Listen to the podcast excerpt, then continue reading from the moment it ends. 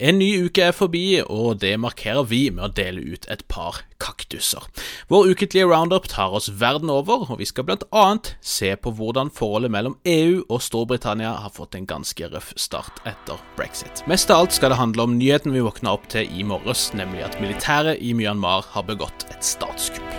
Dette er Hva skjer med verden?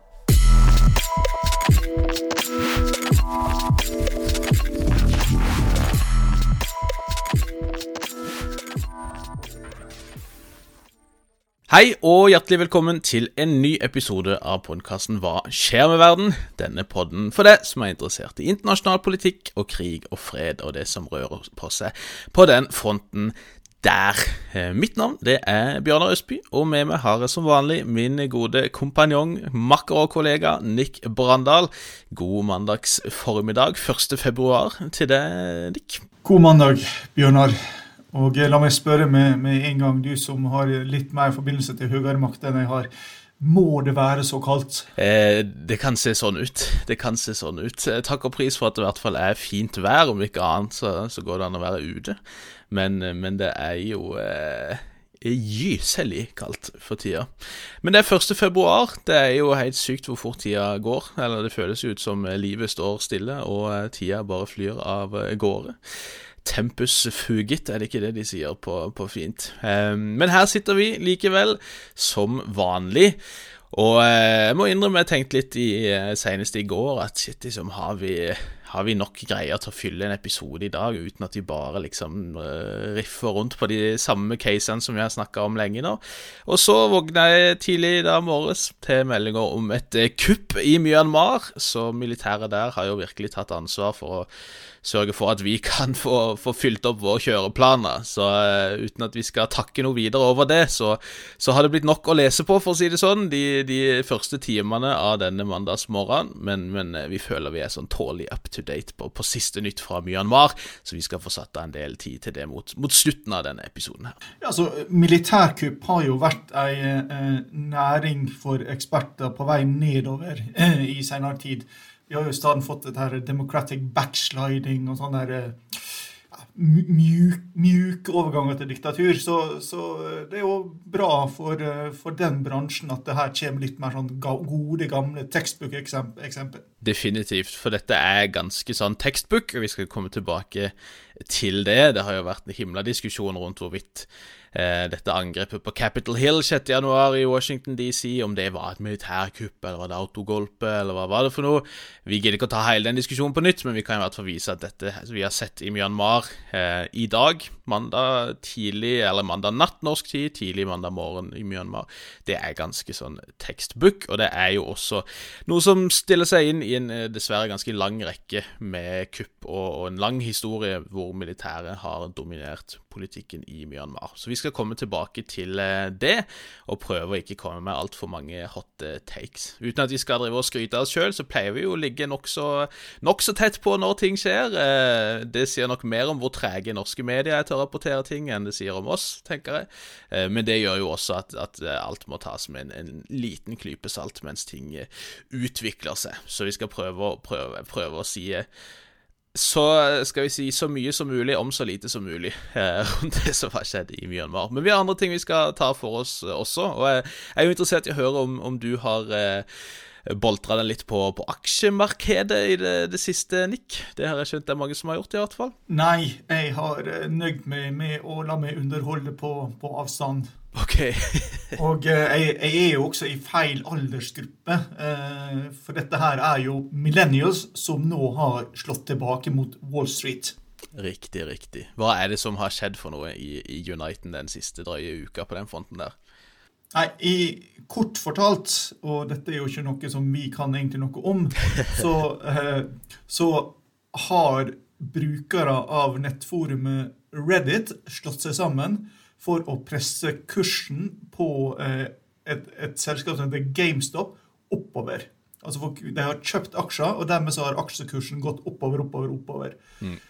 Dette er jo veldig eh, konterintuitivt, fordi GameStop er jo sånn fysiske butikker som selger dataspill. Og det har ikke akkurat vært en vekstnæring de, i, i senere tiår. Og spesielt under pandemien så har det jo heller ikke vært det. Og det var jo grunnen til at en masse sånn hedgefond på, på Wall Street begynte å spekulere i at dette selskapet ville gå konkurs, eller i hvert fall at aksjekursen var prisa altfor høyt. Mm. og dette blir jo kalla shorting. Og ja. ideen der er jo at du, du, låner en aksje, og så selger du den til en, den rette kursen. Og så eh, får du den til altså den lavere kursen som den egentlig burde ha, og så selger du den tilbake igjen til den du har lånt den eh, fra, til den opprinnelige kursen, og så får du eh, mellomleggere, er jo da gevinsten din. Mm. Og, og, dette ble jo laga som en sånn mekanisme som skulle sørge for balanse i aksjemarkedet. da. Altså der selskap som priser for høyt, så skulle man kunne gå inn, og så skulle man få den ned igjen. Mm. Så, så, har problemet i flere tiår nå vært at dette har blitt manipulert av disse hedgefondene. Altså, de har bl.a. spekulert eh, mot eh, Argentina og Brasil, altså mot stater, sånn statsobligasjoner osv. Og, og, og, og brukt ryktekampanjer og lignende, altså manipulert aksjemarked for å få disse her lenger ned enn de burde, og, og, og tjent milliarder av kroner. Mm, mm. Så det, det, som var i utgangspunktet en sånn fornuftig mekanisme for å sørge for balanse i, balanse i aksjemarkedet, har etter hvert blitt eh, uetisk, i beste fall gråsone, i verste fall direkte kriminell virksomhet. Mm -hmm.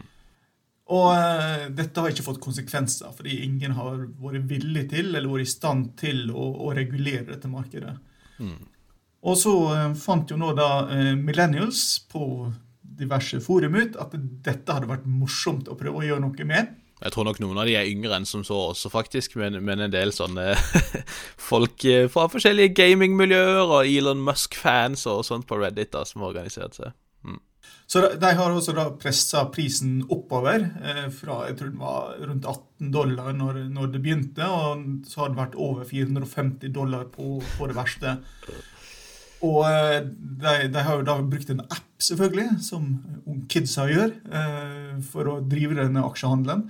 Og dermed så står jo da flere hedgefond overfor tap i milliardklassen, når det er snakk om at noen av dem kanskje enda til går konkurs. Ja, Sist jeg sjekka var det, og det er en stund siden, men, men, det var jo et av de som lå vel godt vel 13 milliarder i eh, tap, da, holdt på å si, eller som de da skyldte for å få betalt tilbake disse aksjene, basically. Uh, så det er jo ganske ekstremt. Denne her Robin Hood-appen som de brukte, den endte jo etter hvert opp med å sperre handel med, med aksjer fra GameStop blant annet og sånt, så det var, det var grenser for hvor Robin Hoodete dette her skulle være, tydeligvis. Og, og det er jo litt sånn uh, Ja, det jeg vet ikke, Det er jo litt sånn morsomt å se på noen av dekninga fra liksom finanskommentatorer sånn som er helt rysta over at eh, noen sånne jyplinger, nihilister, liksom kan gå inn og, og gjøre sånn som dette her, liksom, når, når, dette har vært utbredt praksis blant mange som har blitt sett for å være langt mer legitime, da. Altså, hvis Det er uklart for meg fortsatt om dette er gjort bare på pur, liksom, for, for å for å eh, knekke noen av disse hedgefundene, eller om det er folk som tenker at ja, hvorfor kan ikke vi bruke de samme mekanismene for å berike oss sjøl? Men, men, det er jo uansett en ganske grei dose med hykleri da, fra noen av disse her som har kunnet tjent fett på å ri den kapitalistiske bølga, og så skal man liksom sette seg ned og grine så fort den samme dynamikken eh, biter deg bak, da. Ja, altså Konklusjonen her er jo at uh, dette er et system som kanskje ble satt inn av gode grunner, men som nå definitivt trenger å, å bli reformert. Og, og, hvis det ikke blir reformert, så er dette neppe siste gangen du kommer til å se lignende rides fra mm. vanlige folk, eh, ungdom eller hvem det nå er, eh, med utgangspunkt i, i disse her nettfora. Så hvis, eh, hvis disse hedgefondene vil overleve, så må de nok bare innse at da må de bli regulerte langt sterkere enn de har blitt de siste årene. Du har lyst til å dele ut en eh, kaktus også denne uka, Nick. Hvem, eh, hvem er den heldige, eller ganske uheldige kanskje, mottakeren av din kaktus denne mandagen her? Det er styreformann i Volkswagen, Herbert Dies. Why? Han var med på eh, World Economic Forum fra Davos, denne gangen over eh, Zoom. Jeg tror iallfall det var Zoom, jeg skal ikke garantere, men eh, over nett i hvert fall. Men han klarte da, i tråd med Volkswagens stolte historie, å hevde at Kina går nå i riktig retning. Ja. og ja, kanskje litt sånn menneskerettighetsbrudd her og der, og, og, kanskje demokratiet kunne vært bedre, men, men, det bør jo ikke hindre land fra å handle med Kina. Nei, det kan man jo så klart forstå. Uh, og så er det kanskje en grunn til at han her sier det, da, kan jeg, kan jeg tippe? Ja, altså Nei, det har selvfølgelig ingenting med at Volkswagen har en fabrikk i Xinjiang å, å gjøre. Nei, nei, nei, nei. Uh, og, og, ingenting, naturligvis. At de bl.a. har donert eh, biler til det lokale folkepolitiet for å gjøre jobben deres lettere i undertrykkelsen av uigurene. Men uh, her, her, kunne vi jo eh, også delt ut en kaktus eh, til. Det er nemlig et annet tysk selskap som nå står her stilt på, på, navnet. Ikke fullt så kjent som Volkswagen, men de produserer droner. Og har jo da også gitt droner til det lokale politiet til bruk i undertrykkelsen av uigurene.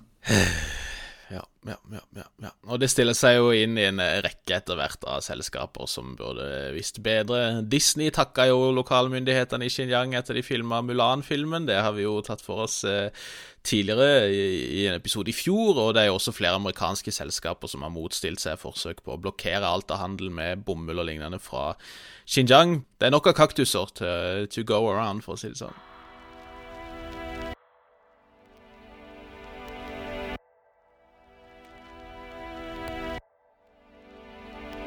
Tenkte vi kunne begynne å snakke litt om eh, hvem eh, Anthony Blinken, den nye utenriksministeren i USA, har vært på telefon med. For det er jo litt interessant. Ja, og, og for oss som er gamle nok til å huske den kalde krigen, så var jo dette også en sånn der eh, stor næring som gikk i vasken etterpå. Som da ble kalt for kremlinologi. Ja, riktig. Nemlig, ja, Det var nemlig å studere begravelser eh, når medlemmer av politbyrået døde, og se hvordan folk var plassert i forhold til hverandre, for å gjette på hvem som ble den neste lederen. Hvem som var på vei oppover og nedover i rettssystemet. og det var jo en periode på 80-tallet hvor det var ganske hyppige omskiftninger også av ledere, så det, det kan jeg for så vidt forstå. Langt mindre av det da, men da kan vi jo drive og spekulere litt ut ifra hvem Blinken har vært på tråden med i starten av eh, den Biden-administrasjonens eh, virke. Eh, jeg har eh, riktignok ikke oversikt over alle de aller siste dagene, men i hvert fall i løpet av den første elleveårsperioden så var det registrert 24 samtaler med, med statsoverhoder eller ledere av internasjonale organisasjoner.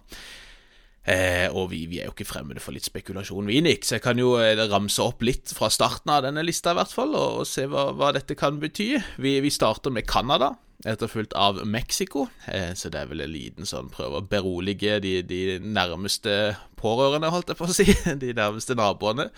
Etterfulgt av eh, allierte eh, i den fjerne øst, nemlig Japan og eh, Sør-Korea på tredje og fjerde plass.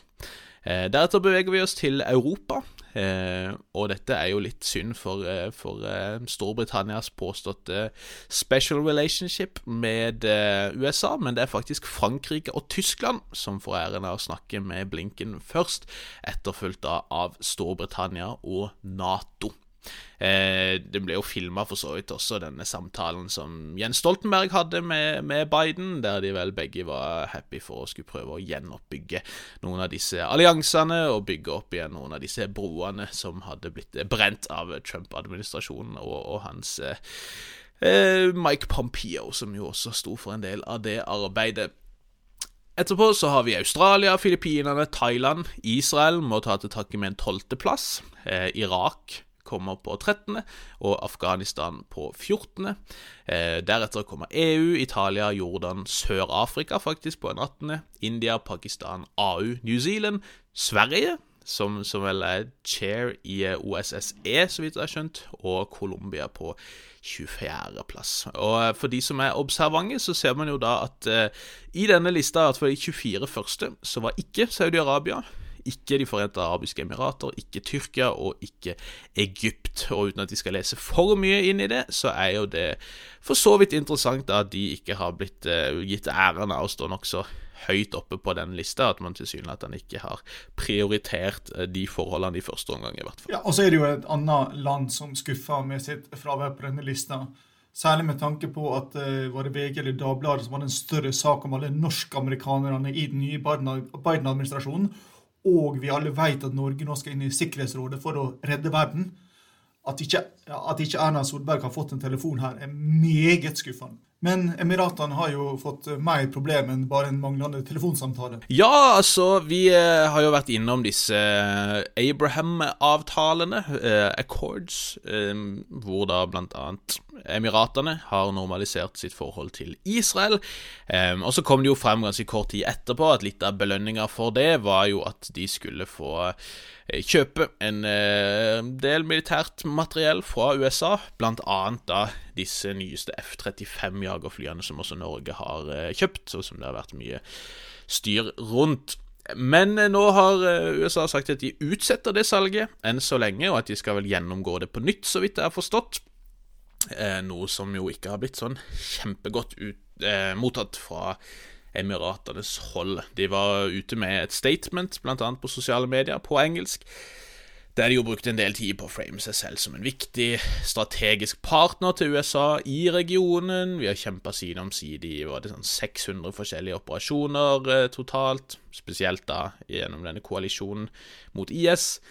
Um, og de har snakka om liksom viktigheten av at hvis vi skal kunne fortsette slike operasjoner, så har vi sett det, det å ha det som såkalt interoperability, det at man kan ha de samme plattformene og sånt, det, i dette tilfellet jagerfly, det gjør jo slike operasjoner også i koordinasjon lettere, da.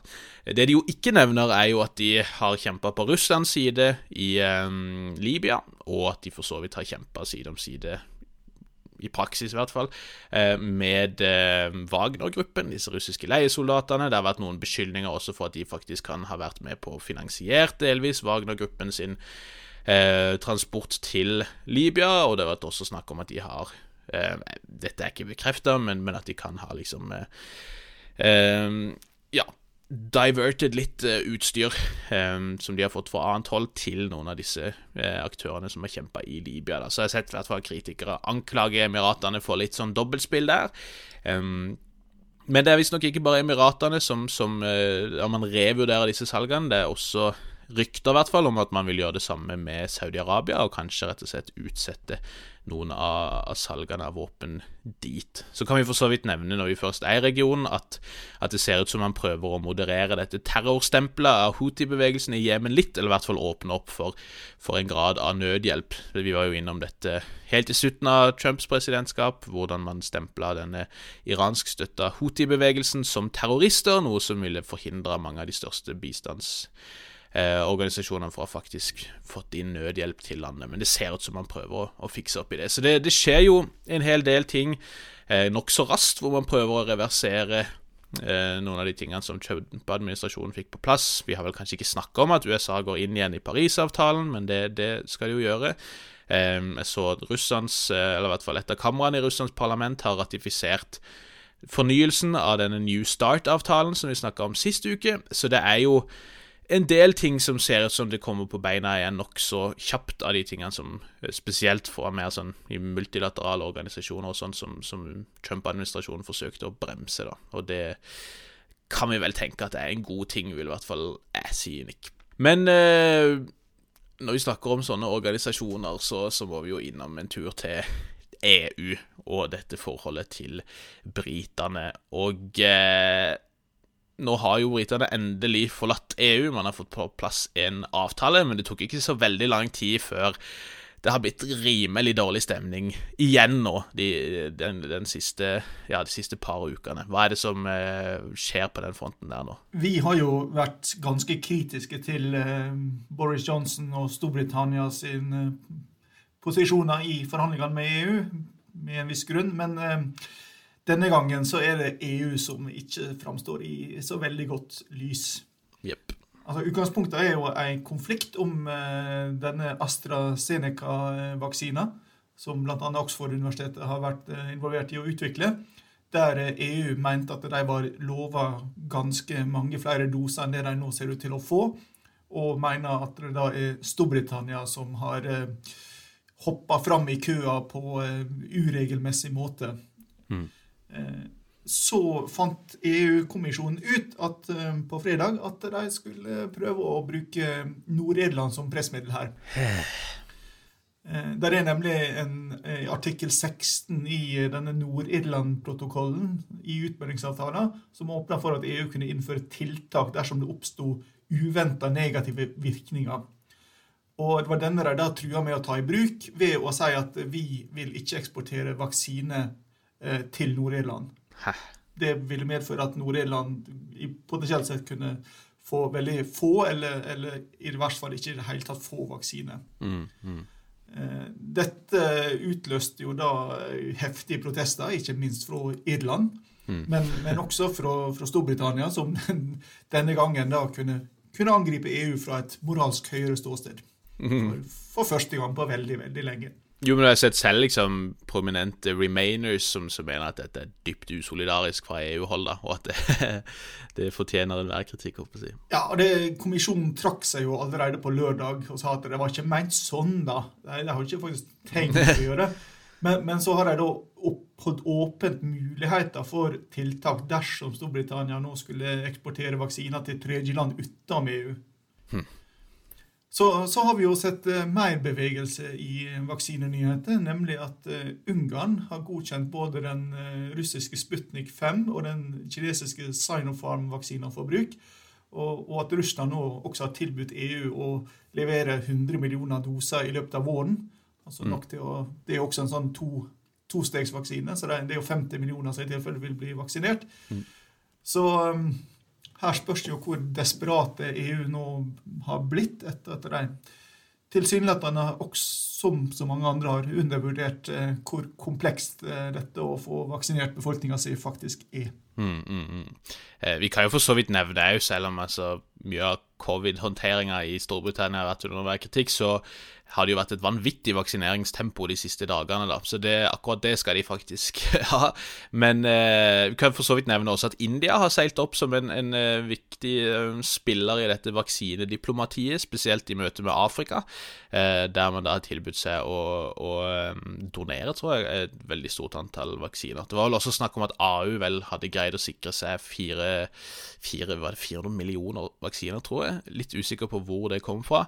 Um, så det, det skjer jo en del på den fronten der. Eh, kan jo nevne, Det har jo vært en del sånn skepsis til liksom, hvordan skal man få en sånn kuldekjede til å fungere, og hvordan skal man greie å, å frakte syke vaksiner, sånn som Pfizer-vaksiner, som vel trenger å lagres i 70 minus eller noe sånt for å kunne overleve over lengre distanser. Men, men vi har noen hyggelige eksempler for så vidt fra, fra DR Kongo, blant annet, som er jo kjent for å ha notorisk svak infrastruktur og et eh, heftig tropisk klima. At man der brukte sånn type teknologi for å få frakta rundt eh, ebolavaksiner i nyere tid, der man da har lyktes med å slå ned flere utbrudd nylig. Da med sånn ganske enkle termosløsninger, rett og slett. Så, så det er ting som tyder på at også i en afrikansk kontekst så, eh, så kan man eh, forhåpentligvis få fortgang på dette, og vi må ikke undervurdere liksom den langvarige erfaringa mange afrikanske stater har med massevaksinasjonsprogrammer, selv om man dessverre har en del ledere som type Museveni i Uganda, Magofoli i Tanzania, som driver og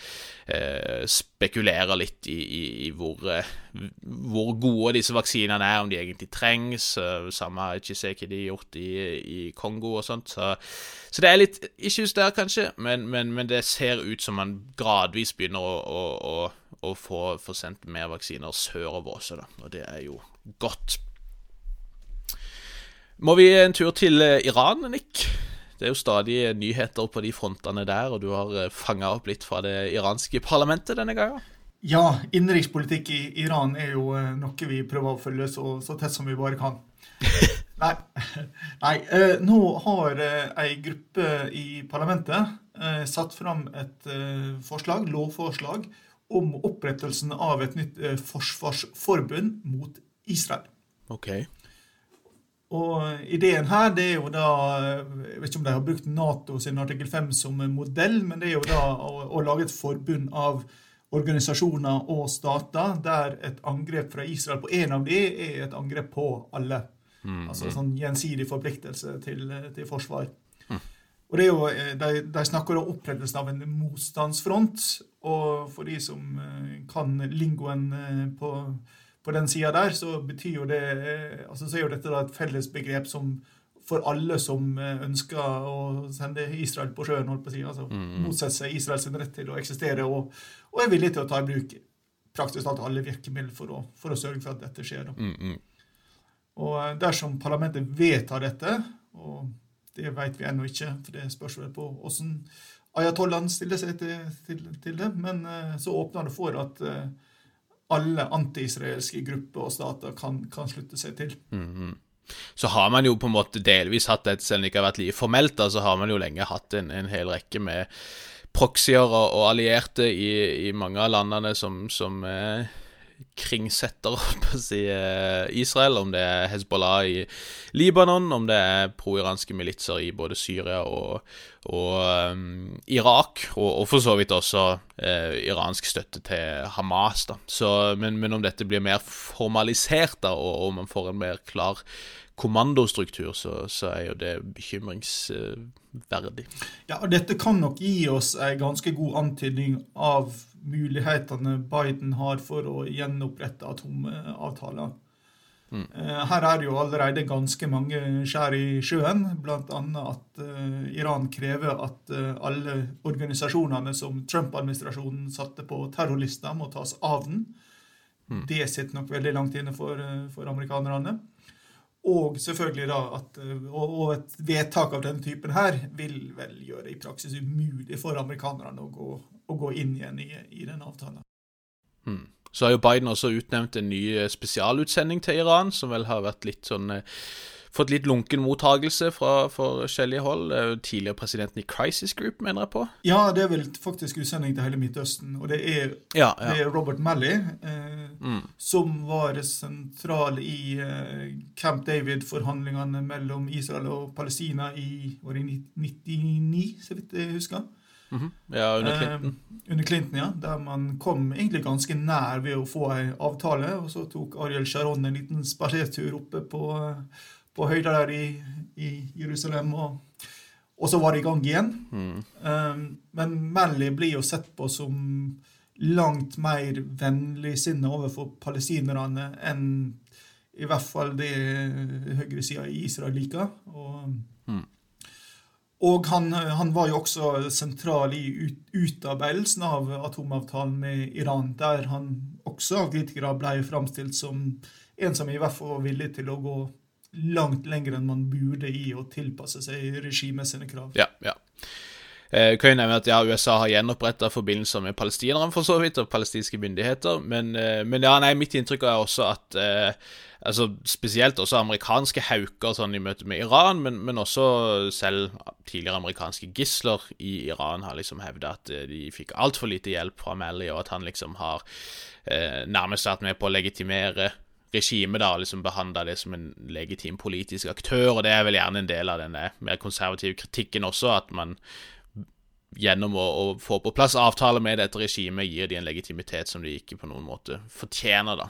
Um, så det, det, blir interessant å følge hvordan han, eh, han, kommer til å jobbe i regionen, og uh, det er jo uh, dessverre sånn at eh, Obama-administrasjonen også har, hvis vi ser bort fra Iran, da, så har de jo en ganske brokete historie, håper jeg å si, i, spesielt Syria og Irak, og det er en del av de samme folka som skal bemanne de eh, Eller som skal, skal, deale med issues på de traktene der. Så det, det, blir spennende å se på en måte hvor mye man har lært fra, fra Obama-administrasjonens eh, fartstid. Og I den forbindelse så kan vi jo dra til nettopp Irak, da, hvor eh, Eh, irakiske myndigheter og amerikanske myndigheter har kunngjort at eh, den fremste IS-lederen for Irak, en kar som eh, Eller hvis Nomdeger eh, Abu Yasser al-Isawi, eh, han, han, skal ha blitt drept i en militæroperasjon sist uke.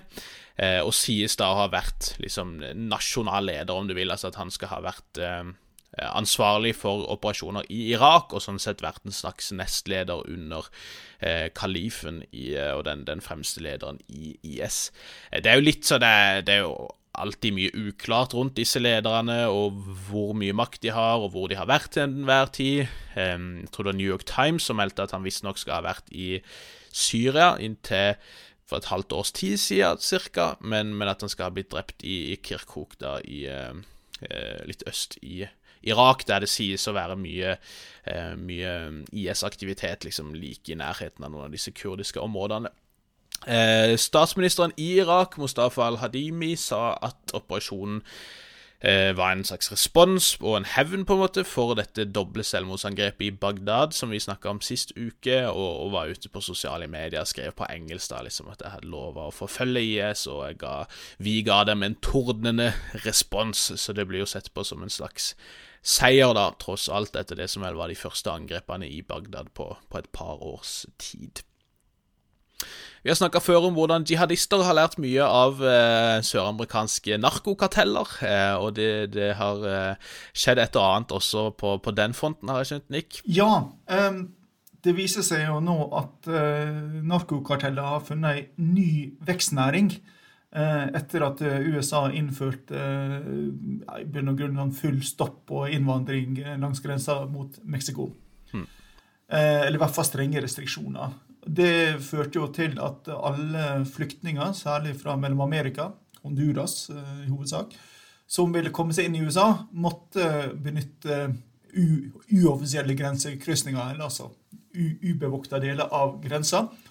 De som kontrollerer disse områdene, er selvfølgelig de meksikanske narkokartellene, mm. som øyeblikkelig så mulighet til å tjene penger. Og det var jo dels å få disse til å betale for å bli smugla over grensa, og dels at de også måtte smugle narkotika med det samme de dro over. Mm. Og um, dette førte i neste omgang til at uh, flyktningene ble kobla inn i krigen mellom narkokarteller. Mm. Og vi har jo nå sett ei opptrapping i eh, rene massakrer på flyktninger. Mm. Altså mass massedrap med flere titalls mennesker som eh, plutselig blir funnet ute i ørkenen. Mm eh, nedslakta ned. Der det da er rivaliserende narkokartell som har tatt livet av dem. Mm, mm, mm. Og Det er jo et fryktelig vanskelig problem. Det er frustrerende ofte. Så virker det som eh, de instansene og myndighetene som skal prøve å stoppe sånn virksomhet, eh, tenker at disse gruppene her er, altså de er idioter som ikke greier å tilpasse seg, liksom. Men de er jo fryktelig tilpasningsdyktige, dessverre. Eh, I Kongo, for eksempel, hvor man har hatt masse oppmerksomhet på såkalte konfliktmineraler og prøvd å hindre grupper fra å tjene penger på mineraler som brukes til alt fra mobiler til PC-er osv. Så, um, så har jo gruppene bare begynt å deale med andre ting. Det kan være nettopp menneskesmugling, de kan uh, selge dop, de kan selge helt basic uh, varer som ikke uh, myndigheter eller markedet ellers kan, kan bidra med, eller så skattlegger de bare. Og akkurat det samme kan jo narkokarteller gjøre. De lærer gjerne, og i tilfeller type med colombianske karteller, hvor amerikanske stater har legalisert marihuana eller hatt et veldig fokus på å bli kvitt kokainproblemet, så, så, bare begynner man å, å, pumpe ut heroin glasert med fentanyl og alt mulig graps, eller drive med menneskesmugling. Så de er dessverre fryktelig tilpasningsdyktige, og, og, det har jo, som du sier, også vært rapporter om der man har funnet en del lik uten at man nødvendigvis vet hva som har skjedd, men i, i flere av disse eh, grenseområdene her. Så eh, Og det er mye som tyder på at disse kartellene har tjent fett med penger under eh, lockdowns i USA også, at, at mye eh, dopmisbruket har gått opp ganske vesentlig i flere eh, områder, parallelt med denne her opiatepidemien man snakker om, som også har eh, gitt gode grunnlag for vekst for en del av disse kartellene. da. Så eh, det blir veldig spennende å se, eller spennende, men interessant i hvert fall å se hvordan Biden-administrasjonen skal prøve å deale med dette, hvordan de vil håndtere håndtere det hvis disse karavanene med, med migranter når, eh, når, denne grensemuren. Eh, og, og, det kan nok bli en stor utfordring som man må finne gode løsninger på i tida som kommer, tenker jeg.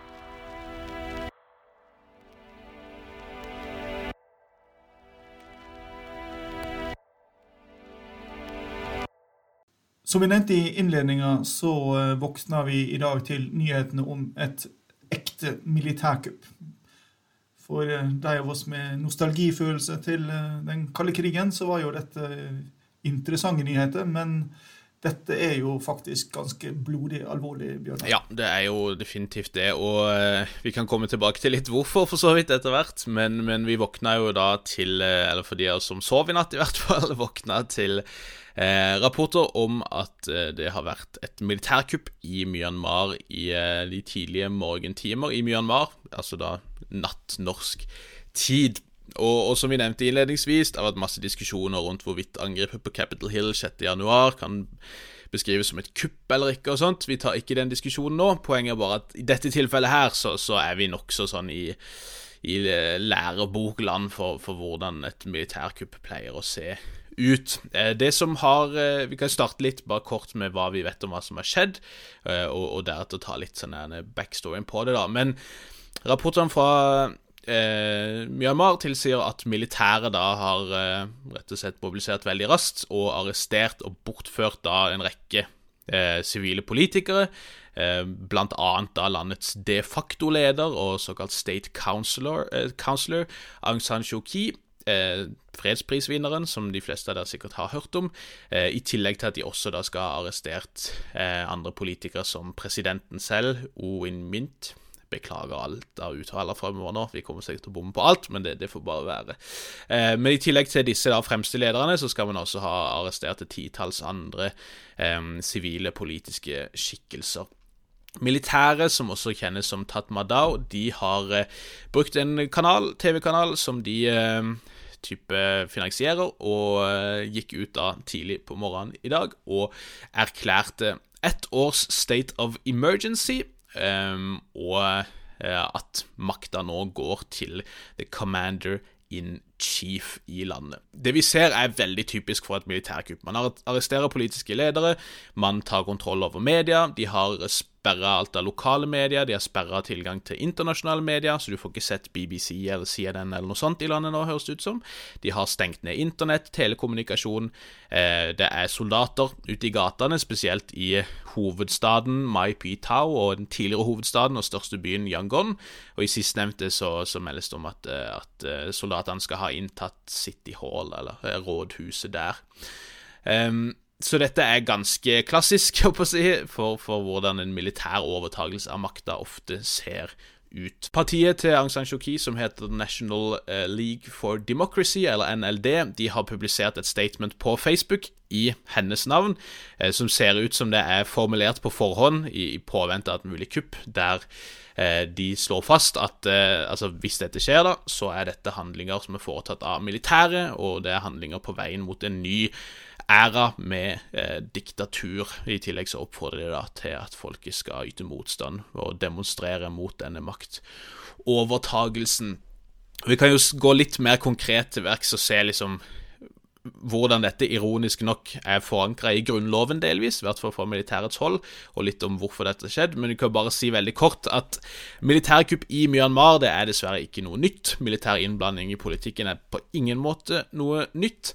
Eh, det har i det hele tatt vært særdeles få reelle åpne valg, og dette som eh, nylig skjedde nå i november i fjor, og som er bakteppet til, til, dette kuppet, det var jo bare det andre åpne valget man har hatt i, i nyere tid. Eh, man har hatt i 2015 og i 2020, som, som har vært tilsynelatende faktisk åpne valg. Så hvis vi bare spoler tilbake en del, så kan vi jo si at eh, at eh, jeg har en ganske så brokete historie når det gjelder, eh, når det gjelder kupp. Eh, I 1962 var det et kupp eh, hvor en militær junta, eller hunta, som høres tøffere ut, kom til makta, og de regjerte jo basically med jernhånd frem til 1988, hvor det kom et nytt kupp fra deler av militæret, eh, og hvor man hadde en ny sånn interimperiode med autoritært styre frem til et eh, valg i 1990. Dette valget tapte militæret, eller de partiene som militæret støtta. De nekta å anerkjenne resultatet, eh, og endte opp med å sitte med makta igjen, da, og, og hadde basically da en kontroll på makta mellom 1990 og 2015, selv om man da etter hvert fikk på plass en slags eh, eh, maktdeling med sivile politikere der. Valget i 2015, som var det første reelle valget igjen, eh, tapte det partiet som militæret støtta, og valget i 2020 tapte de også så det sang. Ja, altså, og her ligger jo tilbake til når regimet valgte å eh, gå av på sett og vis i, i 2008, så laga de jo eh, da grunnloven slik at de skulle sikre seg. Og Det inkluderte bl.a. at de skulle være garantert minst en fjerdedel av setene i parlamentet. Med andre ord nok til å hindre grunnlovsendringer som kunne true dem, sjøl. og også at de sikra seg at Aung San Suu Kyi ikke kunne bli jeg, Eller måtte styre på en in, mer indirekte måte. da. Og, og, og, og, også at de da beholdt sentrale posisjoner. Eh, og visepresidenten som nå tok over, var jo da fra, fra, det militære. Grunnloven som du nevnte fra 2008, som ble skrevet ned mens militæret basically styrte sjappa, den regjerer fortsatt, og den, den, gjelder fortsatt og gir militæret ganske stor makt. Og etter nok et valgnederlag da, så har eh, militæret valgt å ta makta tilbake med, med ja, makt, for å si det sånn. Um, og militæret sa da i dag tidlig at makta den skal gå til commander in chief, lederen av militæret, Min Aung Lang, av såkalt valgfusk. Kan jo nevne at den, eh, han her som er commander in chief, eh, har vært i gamet veldig lenge og var en, nær alliert av den forrige, liksom, en av de store lederne for militærhuntaen, eh, Tan Shue, som styrte landet mellom 1992 og 2011. Så han her er en liksom big man, for å si det sånn, han som er commander in chief. Han Ja, hvis du ser type diplomater som har deala med han, så har ikke de veldig mye godt å si om fyren. Han blir sett for å være en eh, morderisk sosiopat, ser det ut som, etter det jeg kan se, i hvert fall. Eh, og, og, har da også stått i bresjen for en rekke fæle overgrep mot Myanmars befolkning. Ja, og Uten sammenligning for øvrig, så er jo dette en del av grunnen til den store skepsisen mot å ha unntaksbestemmelser, eh, altså unntakstilstand, inn i lovverket. Vi har, vi har jo nå en diskusjon om vi skal få dette i Norge også. Eh, altså, her har vi det jo ikke. Og det, altså det Politiet kan eh, be det militære om støtte, men alltid under sivil kontroll. Altså det militære har ikke mulighet til å i, etter norsk lovgivning. Da. Og det, det er et eh, skal, skal, dyrkjøpte erfaringer, kan du si, at vi har det lovverket. Definitivt, og vi skal se ganske snart på hvordan man faktisk forankrer kuppet i, i Grunnloven. Eh, men vi kan jo si, altså, bare for å prøve å svare på det grunnleggende spørsmålet, hvorfor skjer det et kupp akkurat nå? Um, og, og, vi ser jo for det første at dette har dessverre en, en lang tradisjon, for så vidt, i Myanmar. At militæret har intervenert i politikken og, og tatt makta når de ikke er happy med, med et valg eller hvilken retning landet tar. Og Nå har det vært spenninger mellom militæret og de sivile myndighetene en stund, etter et ganske så omdiskutert valg som eh, ble holdt i starten av november i fjor. Dette snakka vi jo litt om eh, i november.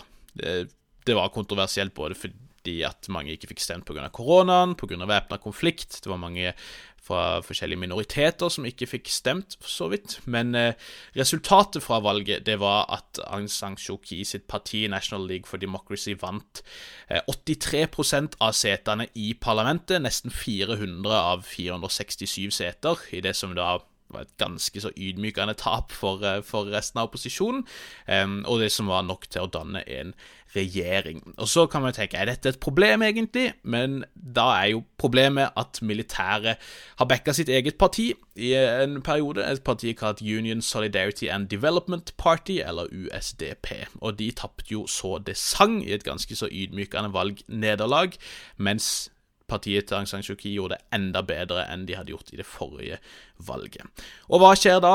Sjokk og vantro. Militæret går ut og sier at dette resultatet er ugyldig. Her har det vært massiv valg eh, Altså, det har vært irregulært valg, massivt eh, valgjuks.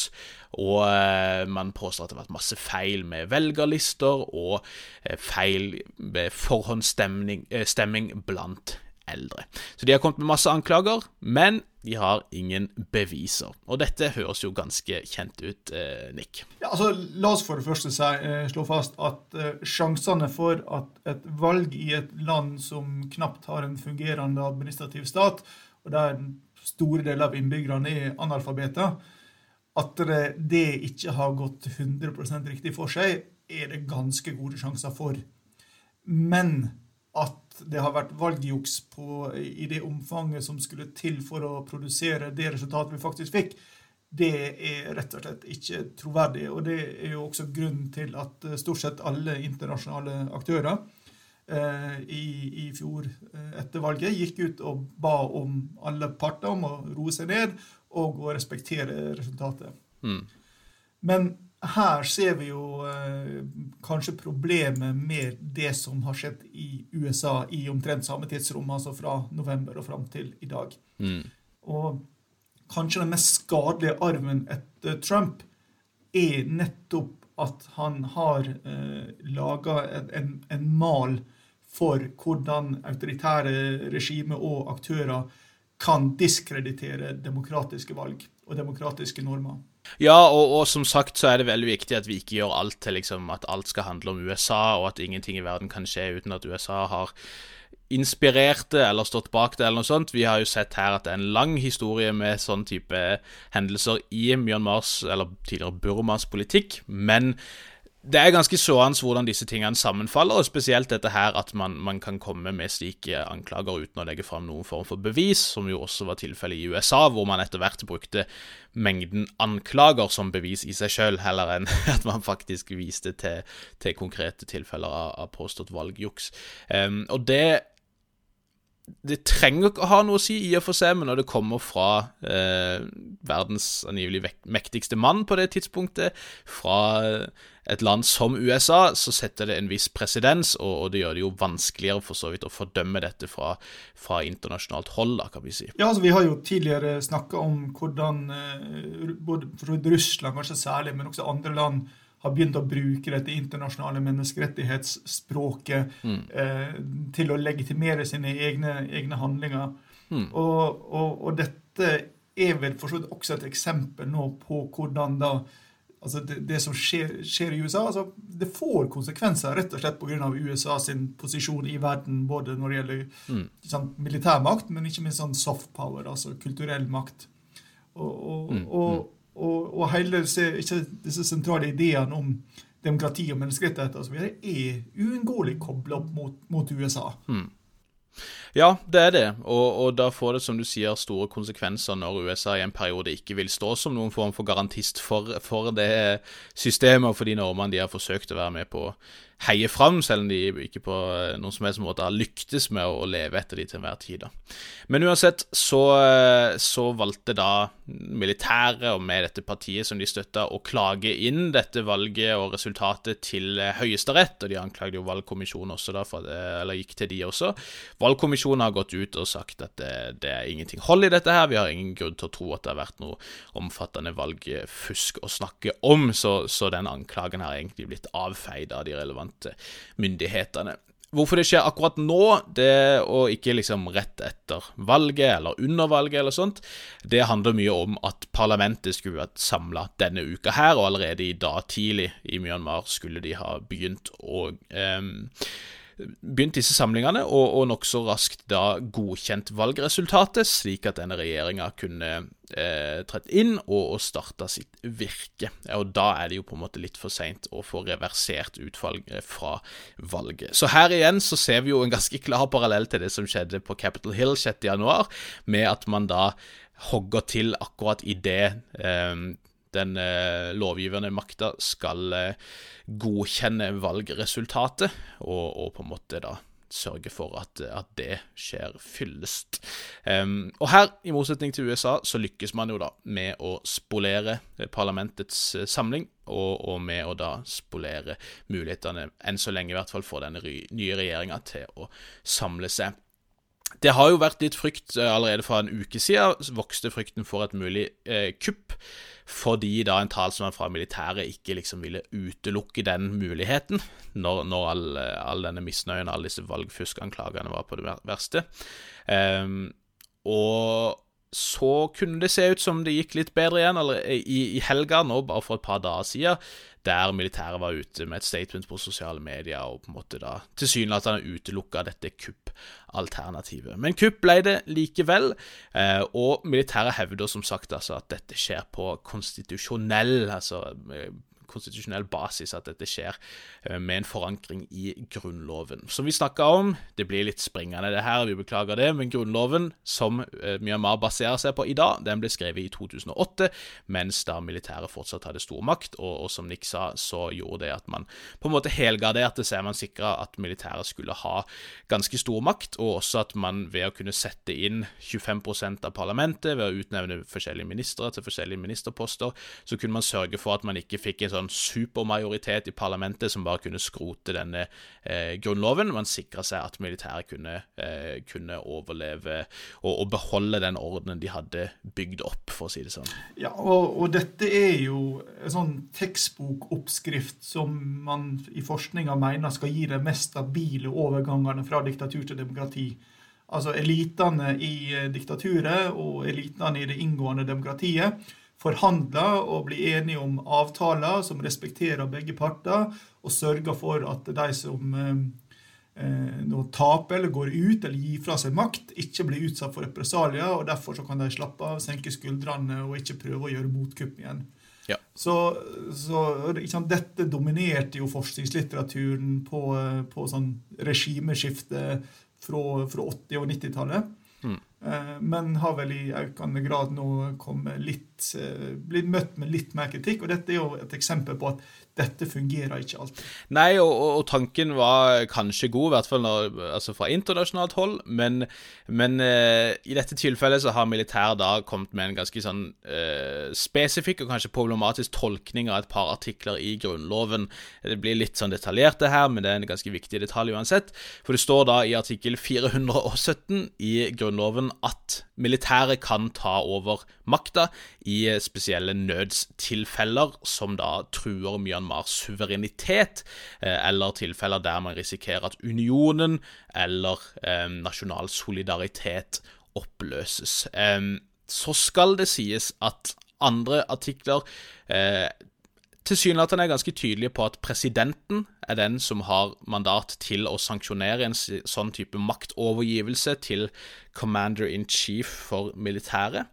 Eh, så kan det se ut som trikset man har gjort her for å prøve å si at dette fortsatt er lov, det er det at ved å liksom fjerne presidenten, så, eh, så kan visepresidenten trå til. Det står at dersom eh, presidentens post skulle bli ledig fordi presidenten trekker seg, eller er død, eller på andre måter ikke er liksom tjenestedyktig, så er det visepresidenten, som militæret setter inn, eh, som får makta. I dette tilfellet kan det se ut som man mener at når, når presidentskapet er ledig, fordi at vi arresterte presidenten, så, så, liksom, så, kommer man liksom rundt eh, dette problemet her, selv om det er ganske åpenbart ikke er lov til å liksom bare fjerne presidenten direkte. da. Men det kan se ut som det er måten å gjøre dette her på, eh, og, og, at dette valgfusket osv. da eh, er, grunn nok, da. Eh, det påståtte valgfusket er grunn nok da, til å, å la militæret ta over makta, rett og slett.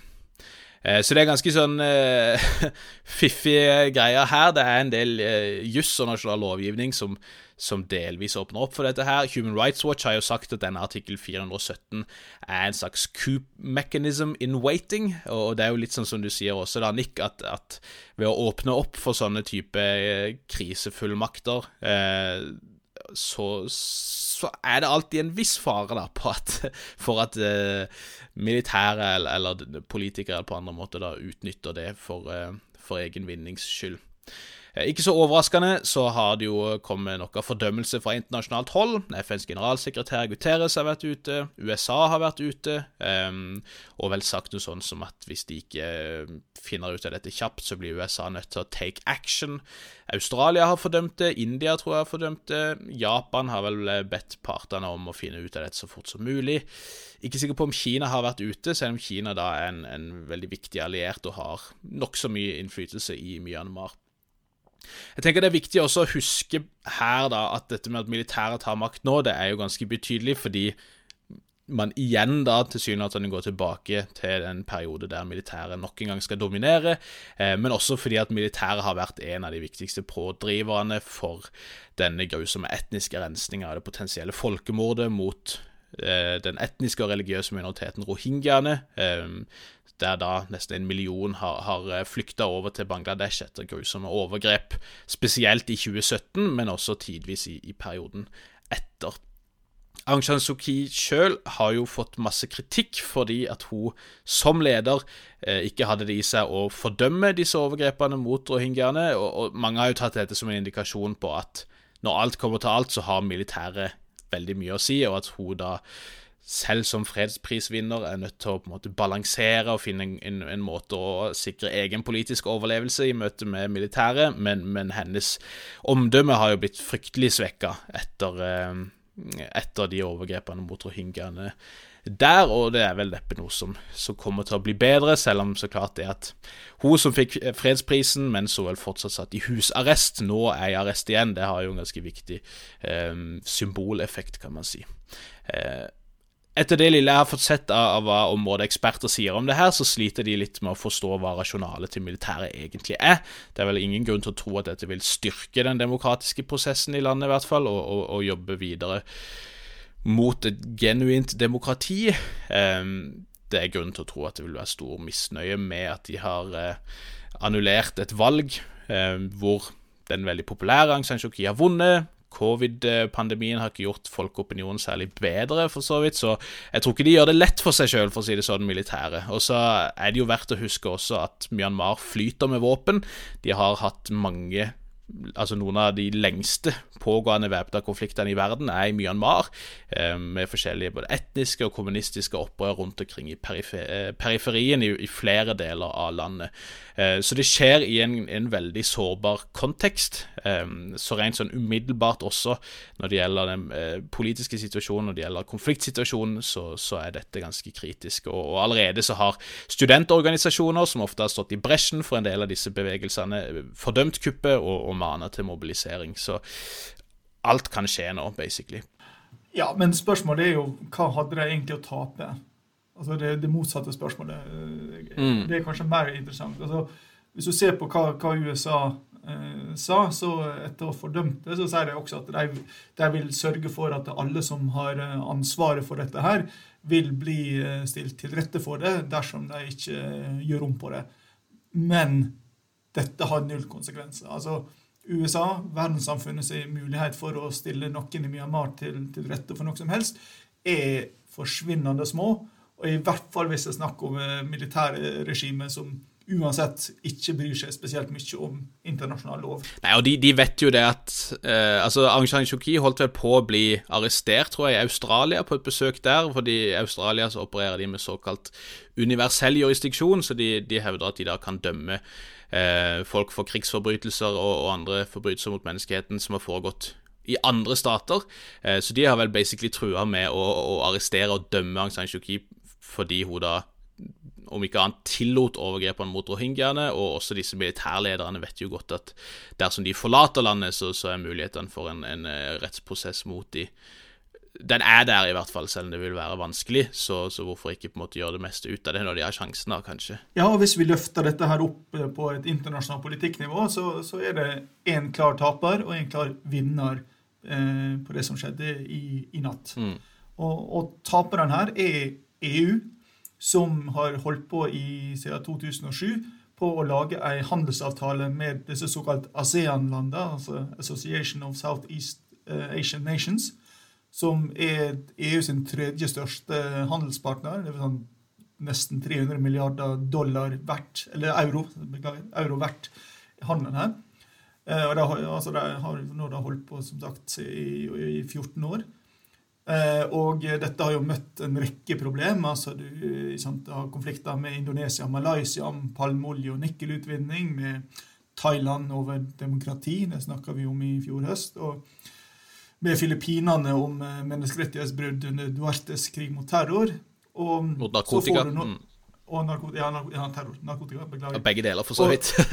begge deler. Og, og, så har du hatt eh, Kambodsja, som har vært problem når det gjelder menneskerettigheter. Og nå får du altså da virkelig toppen på det hele i, med Myanmar. Mm, mm, mm. Så EU sitt prosjekt med å få til en sammenhengende handelsavtale med ASEAN er nå nokså død. Mm, mm. Så er det jo vinneren her. Det er åpenbart Kina. Eh, de har i praksis hatt kontroll med militæret i Myanmar i flere tiår. Og grunnen til det, bortsett fra at de selvfølgelig er digert naboland med, med grenser, er at uh, offiserer som går av, får ikke pensjon i Myanmar. De får derimot mineralrettigheter i nordområder, eh, som er ganske rike på sånne, mm. som de kan selge til Kina, og slik sørge for å ha ei grei inntekt. Mm, mm. Eh, så de er jo da avhengig av Kina både på et personlig nivå og på et gruppenivå. Og så har vi også økonomisk så har jo den nye Silkeveien ført til at det har vokst fram byer i Myanmar som tilbyr gambling og prostitusjon for, for kinesere. Og eh, dette har jo vært viktig for økonomien. Og nå når eh, pandemien har ført til at eh, turismen har forsvunnet praktisk talt fullstendig, og eh, flere land har innført sanksjoner pga. det som har skjedd i Rakhnin-staten og med rohingyaene, så eh, er det egentlig ingen andre som kunne holde dette regimet oppe mm. uansett. Mm. Altså, kupp eller ikke kupp, så, så, var man avhengig av Kina. Og nå eh, har Kina en ekstra interesse av å skaffe seg kontroll med Myanmar, fordi det vil gi dem tilgang til Bengalbukta, som er strategisk viktig i den pågående konflikten med India. Mm. Så i regionen her så har både militæret og Kina en felles interesse nå av å eh, jobbe tettere sammen. Ja, ja og, og, og, de gangene man har hatt oppe dette spørsmålet om rohingyaene og overgrepene mot de i FN og i Sikkerhetsrådet, og sånn, så er det jo Kina som blokkerer det meste der, og, og som, som, hindrer at det, det blir noe større eh, mer inngripende tiltak fra internasjonalt hold. Eh, og når det gjelder dette med, med liksom hva skal hva skal militæret tjene på dette? Det er så klart, Hvis, hvis antagelsen din er at militæret ønsker demokratisk stabilitet, så er det ikke åpenbart hva de ønsker med dette her, men, men, det er jo gode grunner til å tro at det ikke er det militæret egentlig er opptatt av, eh, og, og, at de heller ønsker å, å bevare og, og, styrke den kontrollen og den innflytelsen de har hatt i veldig mange år. Da. De har vel vært ute og sagt noe sånn som at de skal prøve å arrangere et nytt valg, og at uh, hvis det foregår på skikkelig vis, så skal vi godkjenne vinnerne derfra, men, men med korona og med væpna konflikter og konflikter som kan øke nå, så, så, ser jeg ikke for meg at de har noe veldig hastverk med å få gang på, på et nytt valg, for å si det mildt. Så eh, vi fikk dessverre holdt på å si mye å snakke om også i dag. Vi er nok nødt til å snakke en del om dette også fremover, og, og det er ganske så sannsynlig at eh, det har skjedd nye utviklinger når du hører denne podkasten, men, men, dette er i hvert fall sånn cirka det vi vet per klokken 11.09 på eh, mandag formiddag. Skal vi si at det rekker, Nick? Ja, jeg vil si det er mer enn nok. Ja, det tror jeg også. Um, så med det så får vi nok en gang si takk for at dere hører på oss. Det setter vi stor pris på. Uh, og vi blir jo veldig glad om dere har lyst til å, tipse andre som dere tror kan være interesserte. Og uh, veldig gjerne om dere har lyst til å gå inn og, og uh, gi oss noen stjerner på iTunes eller på Apple Podcast, sånn at flere kan se oss. Så setter vi stor pris på det også. Men ikke noe press der, altså. Um, vi er tilbake igjen snart, vi. Og, og vi har som sagt planlagt noen spesialer. Det er ikke ikke helt bombesikkert når alt kommer ut, men, men dere kan forvente der noen fredagsepisoder i tiden som kommer. Eh, og Så er vi tilbake igjen på sedvanlig vis neste mandag med mer om alt det som går galt, og litt av det som går bra på den internasjonale arenaen. Med det så sier jeg tusen takk til deg, Nick. Selv takk, Bjørnar. Takk for eh, oss. Vi snakkes.